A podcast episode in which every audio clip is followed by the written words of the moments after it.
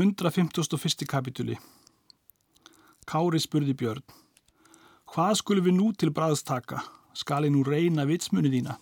Björn svaraði Hvort þykir þér undir því mest að við séum sem vitrastir? Já, saði Kári, svo er víst. Þá er skjótt til ráðs að taka, segir Björn. Við skulum ginnað á alla sem þursa, skulum við láta sem við munum ríða norður á fjall, en þegar leiti ber í millum vor, þá skulum við snúa aftur og ofan með skafta og felast þar sem okkur þykir vanlegast, meðan leitin er sem áköfust ef þið ríða eftir. Kári svarar, svo munum við gera því ég hafði svo ætlað áður. Svo mun ég reynast, sagði Björn, að ég mun ekki vera hjátækur í vitsmunum, eigi síður en í hardraðunum. Þeir kári riðu sem þeir höfðu ætlað ofan með skafta á, þá fellur áinn sum í austur en sum í landsuður. Snýru þeir þá ofan með miðkvíslinni og léttu eigi fyrir þeir komi í meðaland og á mýri þá er kringlumýr heitir. Þar er hraun allt umhverfis. Kári mælti við Björn, hann skildi gæta hesta þeirra og vera á varðhaldi. En mér gerir svefnhöfugt. Björn gætti hesta en Kári lagðist niður og svaf all skamma stund áður en Björn vaktan. Hann hafði þá leitta saman hestana og voru þar nærðum. Björn mælti.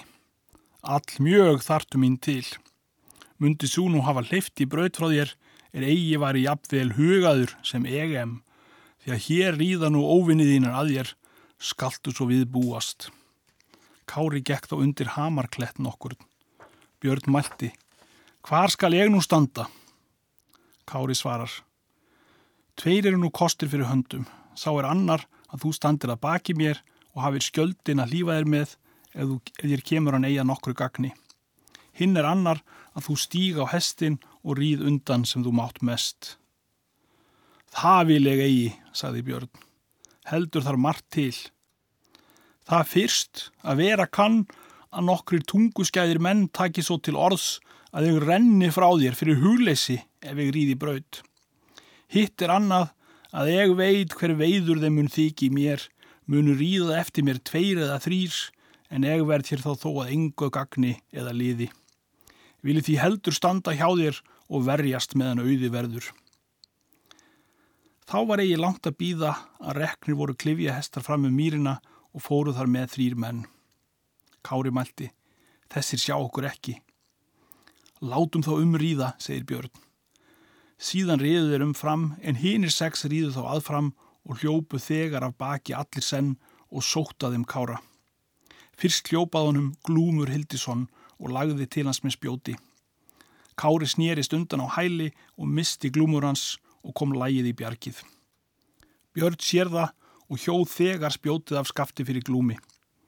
Kári hjóð til hans höllum fæti og kom sverðið á lærið og tók undan fótin upp í lærinu, dó glúmur þegar. Þá hljópu fram að honum þorfinsinir, viebrandur og ásbrandur. Kári hljópað viebrandi og rak sverðið í gegnum hann en síðan hjóðan báða fætur undan ásbrandi. Í þessi svipan urðu þeir báðir sárir, Kári og Björn. Þá hljópað Kára ketilur mörg og lagði til hans spjóti. Kári brá upp við fætunum og kom spjótið í völlin. Kári hljópa á spjótskaftið og brauti sundur. Kári þreif ketil höndum. Björn hljóp að þegar og vildi vega ketil. Kári mælti. Láttu vera kyrt. Eg skal gefa katli grið og þótt svo verði að ég eigi oftar vald á lífiðinu skal ég því þó aldrei drepa ketil. Ketil svarar fáu og reyði braut og eftir félagum sínum og sagði þeim er eigi vissu áður tíðindi þessi. Þeir sögðu hérasmönnum tíðindin en hérasmenn gerðu þegar herrlaup mikið og fóru þeir með öllum vatföllum og svo langt norður á fjall að þeir voru þrjú dægur í leitinni en þá snýru þeir aftur og fór hver til síns heimilis en Ketill og þeir félagar riðu austur til Svínafells og sögðu þar tíðindin. Flósi tók lít á þeirra ferð og hvað þó eigi vistum hvort hér næmi staðar. Er kári engu manni líkur þeim er nú er á landi voru. 150. annar kapituli Nú er að segja frá kára að hann reyð út á sand og leitti undir melbakka hestana og skáru melin fyrir þá að þeir dæja í að sulti. Kári var svo nærgætur að hann reyð þegar í braut er þeir hættu leitinni.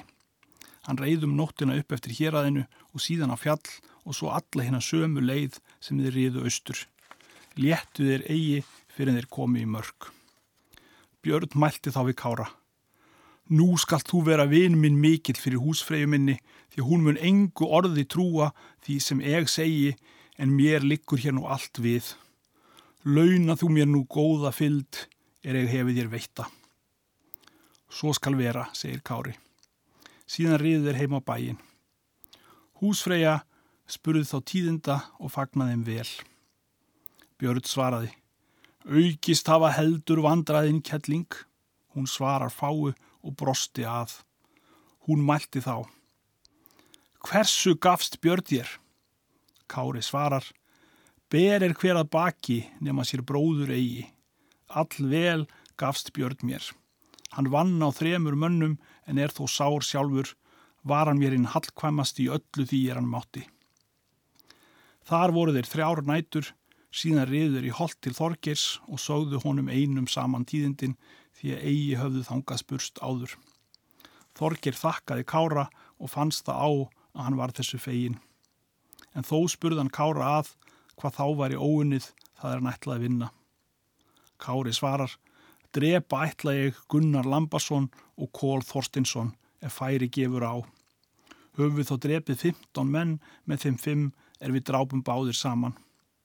Eg vil og byggja þig bænar.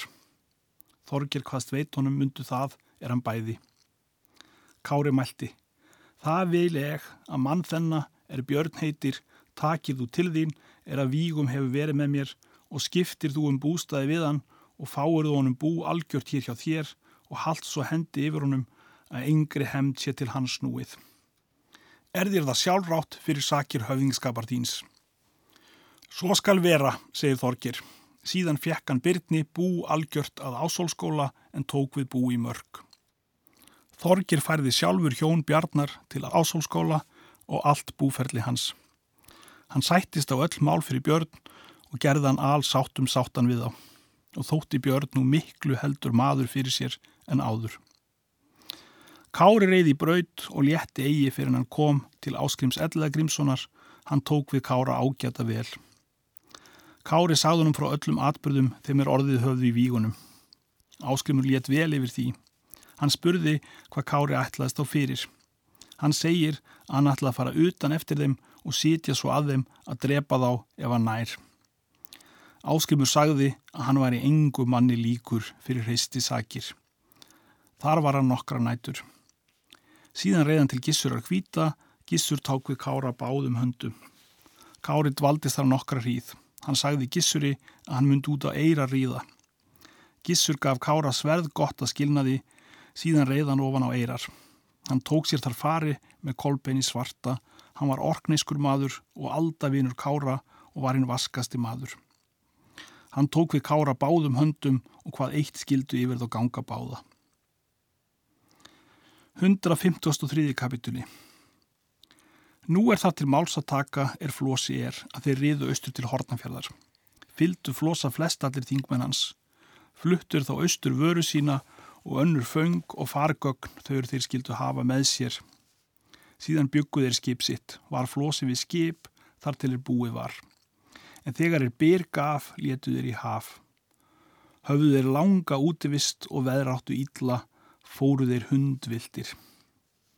Það var einhverju sinni eða þeir fengu áföll stór þrjú nokkur og sagði Flósi þá að þeir varu nær löndum og þetta varu grunnföll. Þoka var á mikil en veðrið ógs svo að gerða þeim hríð mikla. Fundu þeir eigi fyrir þá kyrði á land upp um nótt og var þar mannbjörg en skip brotnaði allt í spón en fjö máttu þeir ekki bjarga.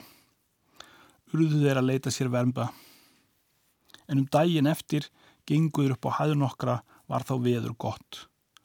Flósi spurði ef þeir menn kendu land þetta er farið höfðu áður. Tveir voru menn þeir kendu landið og sögðu að vera komna við orknegar í Rossei. Fá máttu við er betri landtöku, segir Flósi, því að Helgi Njálsson var hýrðmaður Sigurðar Jarl Slöfissonar er eg vó. Leituðu þeir sér leinis og reytt á sig mosa og lágu þar nokkra stund og eigi langa áður flosi mælti. Ekki skulum við hér lengur liggja svo að landsmenn verði við það varir. Stóðu þeir upp síðan og gerður ásitt. Flosi mælti. Ganga skulum við á vald jarlsins, gerir oss ekki annað því að jarl hefur að líku lífvort ef hann vil eftir því leita. Ganga er þá allir í braut þaðan. Flosi mælti að þeir skildu yngu manni segja tíðindin eða frá ferðum sínum fyrir hann segði jarli. Fóru þeir þá, til þess er þeir fundu menn þá, er þeim vísu til jarls, gengu þeir þá fyrir jarl og kvatti flosi hann og allir þeir. Jarl spurði hvað manna þeir væri. Flosi nefndi sig og sagði úr hverju sveitan var af Íslandi. Jarl hafi spurt áður brennuna og kendist hann þegar við mennina. Hann spurði þá Flosa. Hvað segir þú mér til Helgan Jálssonar, hyrðmanns míns? Það, sagði Flósi, að ég hjó höfuð af honum. Jarl bað taka þá alla og var svo gjört. Þá kom að í því Þorstein Síðu Hallsson. Flósi átti steinvöru, sýstur Þorsteins. Hann var hirmaður Sigurdar Jarls. En er Þorstein sá Flósa höndlaðan, þá gekk hann fyrir Jarl og bauð fyrir Flósa allt það góð sér hann átti.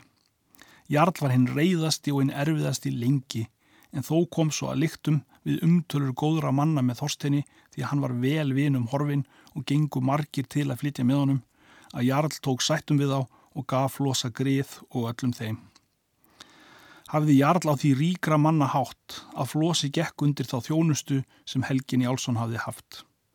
Gerðist flosi þá hýrmaður Sigurdar Jarls og kom hann sér brátt í kærleika mikla við hann. 154. kapituli Nú er frá því að segja að þeir kári létu út hálfu mánuðu síðar af eirum en þeir flossi úr hortnafyrði. Gaf þeim vel beri og voru skammastund úti. Tóku þeir friðarei, hún er á millum Hjaltlands og Orkneia. Tók við Kára sá maður er Davíð hvíti hétt. Hann segir Kára allt um ferðir þeirra flossa slíkt sem var vís orðin. Hann var hinn mesti vinn Kára og var Kári með honum um veturinn höfður þá fréttir vestan úr Rossegju, allar þær er þar gerðust. Nú er það til málsataka, er Sigurður Jarl bauð til sín gilla Jarli úr Suðuregjum, mági sínum. Hann nátti harflöðu, sístur Sigurður Jarls. Þá kom á þar konungur sá, er Sigtryggur hétt af Írlandi. Hann var sonur Ólafs Kvarans, móður hans hétt Kormlöð. Hún var allra kvenna fegurst og best orðin um allt það er henni var ósjálfrátt en það er málmanna að henni hefði allt verið illa gefið, það er henni var sjálfrátt. Brjátt hétt konungur sá er hann að hafi átta og voruðu þá skilin. Hann var allra konunga best að sér, hann sat í Kantraborg. Bróðir hans var Úlfur Ræða, hinn mesti kappi og hermaður. Fóstri Brjáns konungs hétt Kerþjálfaður.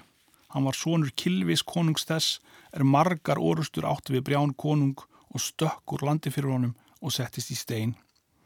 En þá er brjátt konungur gekk suður, þá fann hann kilvi konung, sættust þeir þá. Tók þá brjátt konungur við síni hans kerþjálfaði og unni meirinn sínum eigin sónum. Hann var þá roskin er hér var komið sögunni og var allra manna fræknastur. Dungaður hétt sónum brjánskonungs, annar margaður, þriðji taðkur, þann köllu við er tann, hann var þeirra yngstur. Hinnir eldri síni brjánskonungs voru frumvaksta og manna vasklegastir. Ekki var kormlöð móður í barnabrjáns. En svo var hún orðin grimm brján í konungi eftir skilnaðira og hún vildan gjarnan feigan. Brjátt konungur gaf upp útlögum sínum þrísvar hinn að sömu sög en ef þeir miskerðu oftar þá leta hann dæma þá að lögum og má af þvíliku marka hvílikur konungur hann var. Kormlöð ekkjaði mjög Sigtrik svonsinn að drepa brján konung. Sendun hann því til Sigurðar Jarls að byggja hann liðs, kom Sigtrikur fyrir jól til Orkneja. Þar kom þá ógilli Jarl sem fyrir var ritað. Svo var skipað að konungur satt í miðju hásæti en til sinnar handar honum hvor Jarlana. Sátu menn þeirra Sigtriks og gilla innar frá en utra frá Sigurði Jarli satt Flósi og Þorstein Hallsson. Var þá skipuð öll höllin. Sigtrikur konungur og gilli jarl vildu heyra tíðindi þau er gerst höfðum brennuna og svo síðan er hún varð. Þá var fenginn til Gunnar Lambason að segja söguna og var settur undir hans stóll. 150. kapituli Nú er það til máls að taka er Kári er og þeir Davíð og Kolbeinn að þeir komu á óvart í Rossei og gengu upp þegar á land en nokkrir menn gættu skips. Kári og þeir félagar gengu upp til Jarlsbæjarins og komað höllinni um drikju. Bar það saman og þá var Gunnar að að segja söguna en þeir Kári hlítu til úti. Þetta var jóladaginn sjálfan. Sigtryggur konungur spurði. Hversu þóldi skarpiðinn í brennunni? Vel fyrst, segir Gunnar, en þó laug svo að hann grét. Um allar sagnir hallaðan mjög til og ló frá víða. Kári stóðst þetta eigi, hljópan þá inn með brunusverði og hvað vísu þessa. Hrósa hildar fúsir, hvað hafa til freyið skatnar, hver ráfáka rákum, rennendur nýjals brennu, varðaði veitin í örðum víðeims að það síðan hrátt gatt hrafnað slíta hold slælega goldið. Þá hljópan innar eftir höllinni og hjó á hálsin Gunnari lambasinni, tók af svo snögt höfuðið að það fauk upp á borðið fyrir konungin og jarlana. Sigurður jarl kendi mannin, þannig vegið hafi víið og mælti. Takið er kára og drepið! Kári hafi verið hirðmaður Jarls og var allra manna vinsalistur, stóð engi upp að heldur þó að Jarl rætti um. Kári mælti. Það muni margir mæla herra að ég hafi þetta verk fyrir yður unnið að hefna hirðmanns íðas. Flósi mælti. Ekki gerði Kári þetta fyrir sakleysi, er hann í engum sættum við oss, gerðan það að sem hann átti. Kári gekk í braud og varð ekki eftir honum gengið fór Kári til skipsíns og þeir félagar. Var þá veður gott. Sildu þeir suðu til Katanes og fór upp í Þrasvík til Göfugsmanns er skeggi hétt og voru með honum mjög lengi. Nú er það til máls að taka að þeir í eigunum hreinsuðu borðin og báru út hinn döiða. Jarli var sagt að þeir hefðu siltsuðu til Skotlands. Sigturgur konungur mælti. Þessi var herði maður mikill, er svo rösklega vann að og sást ekki fyrir. Sigurður Jarl svaraði, engum manni er kári líkur að kvarleik sínum. Flósi tók til og sagði söguna frá brennunni og bar öllu mönnum vel og var því trúað. Sigtryggur konungur vakti þó til um erindi sín við Sigur Jarl og bað hann fara til orustu með sér móti brjáni konungi. Jarl var fyrst lengi erfiður en þar komum síðir að hann gerði ákost mælt hann það til að eiga móður hans og vera síðan konungur í Írlandi eðir feldu brján. En allir löttu Sigurd Jarl í að ganga og tjáði ekki. Skildu þeir með því að Sigurdur Jarl hétt ferðinni en Sigtryggur konungur hétt honum móður sinni og konungdómi. Var svo mælt að Sigurdur Jarl skildi koma með hersinn allandin diblinar á Pálma sunnudegi. Fór Sigtryggur þá söður til Írlands og sagði móður sinni að Jarl hafði í gengið og svo hvað hann hafði til unnið. Hún létt vel yfir því en hvaðu þó skildu að draga miklu meira abla. Sigtryggur spurði hvaðan þess væri aðvon. Hún svarar, vikingar tveir liggja úti fyrir utan mön og hafa þrjá tíi skipa og svo harðfengir að ekki stendur við. Heitir annar óspakkur en annar bróðir. Þú skalt fara til fundra við á og lát ekki að skorta og koma þeim í með þér hvað þeir mæla til. Sigtryggur fór að leita vikingana og fann þá fyrir utan mön. Ber Sigtryggur þá þegar upp erindi sín en bróðir skarst undan allt þar til er Sigtryggur konungur héttónum konungdómi og móður sinni. Og skildi þetta fara svo hljótt að Sigurður Jarl yrði eigi vís. Hann skildi óg koma fyrir pálmadag til diblinnar. Sigtryggur fór heim og sagði móður sinni. Eftir þetta töluðist er við, bróðir og óspakur, sagði þá bróðir óspaki alla viðræði þeirra Sigtryggs og baðan fara til bardaga með sér í mótu brjáni konungi, hvað sér mikið viðliggja. Ósbakur hvaðst eigi vilja berjast í móti svo góðum konungi. Urður þá báði reyðir og skiptu liði sínu. Hafði Ósbakur tíu skip en bróðir tuttugu. Ósbakur var heiðinn og allra manna vitrastur. Hann lagði skip sín inn á sundið en bróðir lág fyrir utan. Bróðir hafi verið kristinmaður og messut jákna vikslu en hann hafi kastað trúsinni og gerst guðnýðingur og blótaði heðnar vættir og var allra manna fjölkunnuastur. Hann hafi herbúna þann er eigi byttu í árna á. Hann var bæði mikill og sterkur og hafði hár svo mikið að hann vafði undir belti sér. Það var svart. 150. og 70. kapituli Það var eina nótt að gnýr kom mikill yfir þá bróður svo þeir vöknuðu allir og spruttu upp og fór í klæði sín. Þar með ringdi á þá blóði vellanda. Lífuðu er sér þá með skjöldum og brunnu þó margir. Undur þetta helst allt til dags. Maður hafði látist af hverju skipi. Sváu þeir þá um daginn. Aðra nótt varð enn gnýr og spruttu þá enn allir upp rendu þá sverður slíðurum en auksar og spjót flugu í loft upp og börðust. Sóttu vopn svo fast að þeim að þeir eruð að hlýfa sér og eruð þó margir sárir en lést maður af hverju skipi. Hjelst undur þetta allt til dags. Sváu þeir þá enn um daginn eftir. Þriðju nótt varð gnýr með sama hætti. Þá fluga þeim hrafnar og síndist þeim úr járni nefin og klærnar. Hrafnandi sóttu þá fast en þeir vörðu sig með sverðum en lífðu sér með skjöldum, gekk því fram til dags. Hafði þá enn látist maður af hverju skipi. Þeir sváu þá enn fyrst. En er bróðir vaknaði, varpan mæðilega öndunni og bað taka bát og hveðst vilja finna ósbak fóstbróður sinn. Stíðan þá í bátinn og menn með honum. En er hann fann ósbak, sagði honum öll undur þau, er fyrir hann að þið borið og bað hann segja sér fyrir hverju vera mundu. Ósbakur vildi ég segja honum fyrir hann seld honum grið. Bróðir hétt honum griðum en Ósbakur dróð þó undan allt til nætur því að bróðir vó aldrei víg um nætur. Ósbakur mælti þá. Þar er blóði ringdi á yður, þar munu þér hella út margsmanns blóði, bæði yðru og annara. En þar sem þér heyrðu gnímikinn, þar munu yfir síndur heimsbrestur, munu þér deyja allir brátt. En þar er vopnin sóta að yfir, það mun vera fyrir orustu.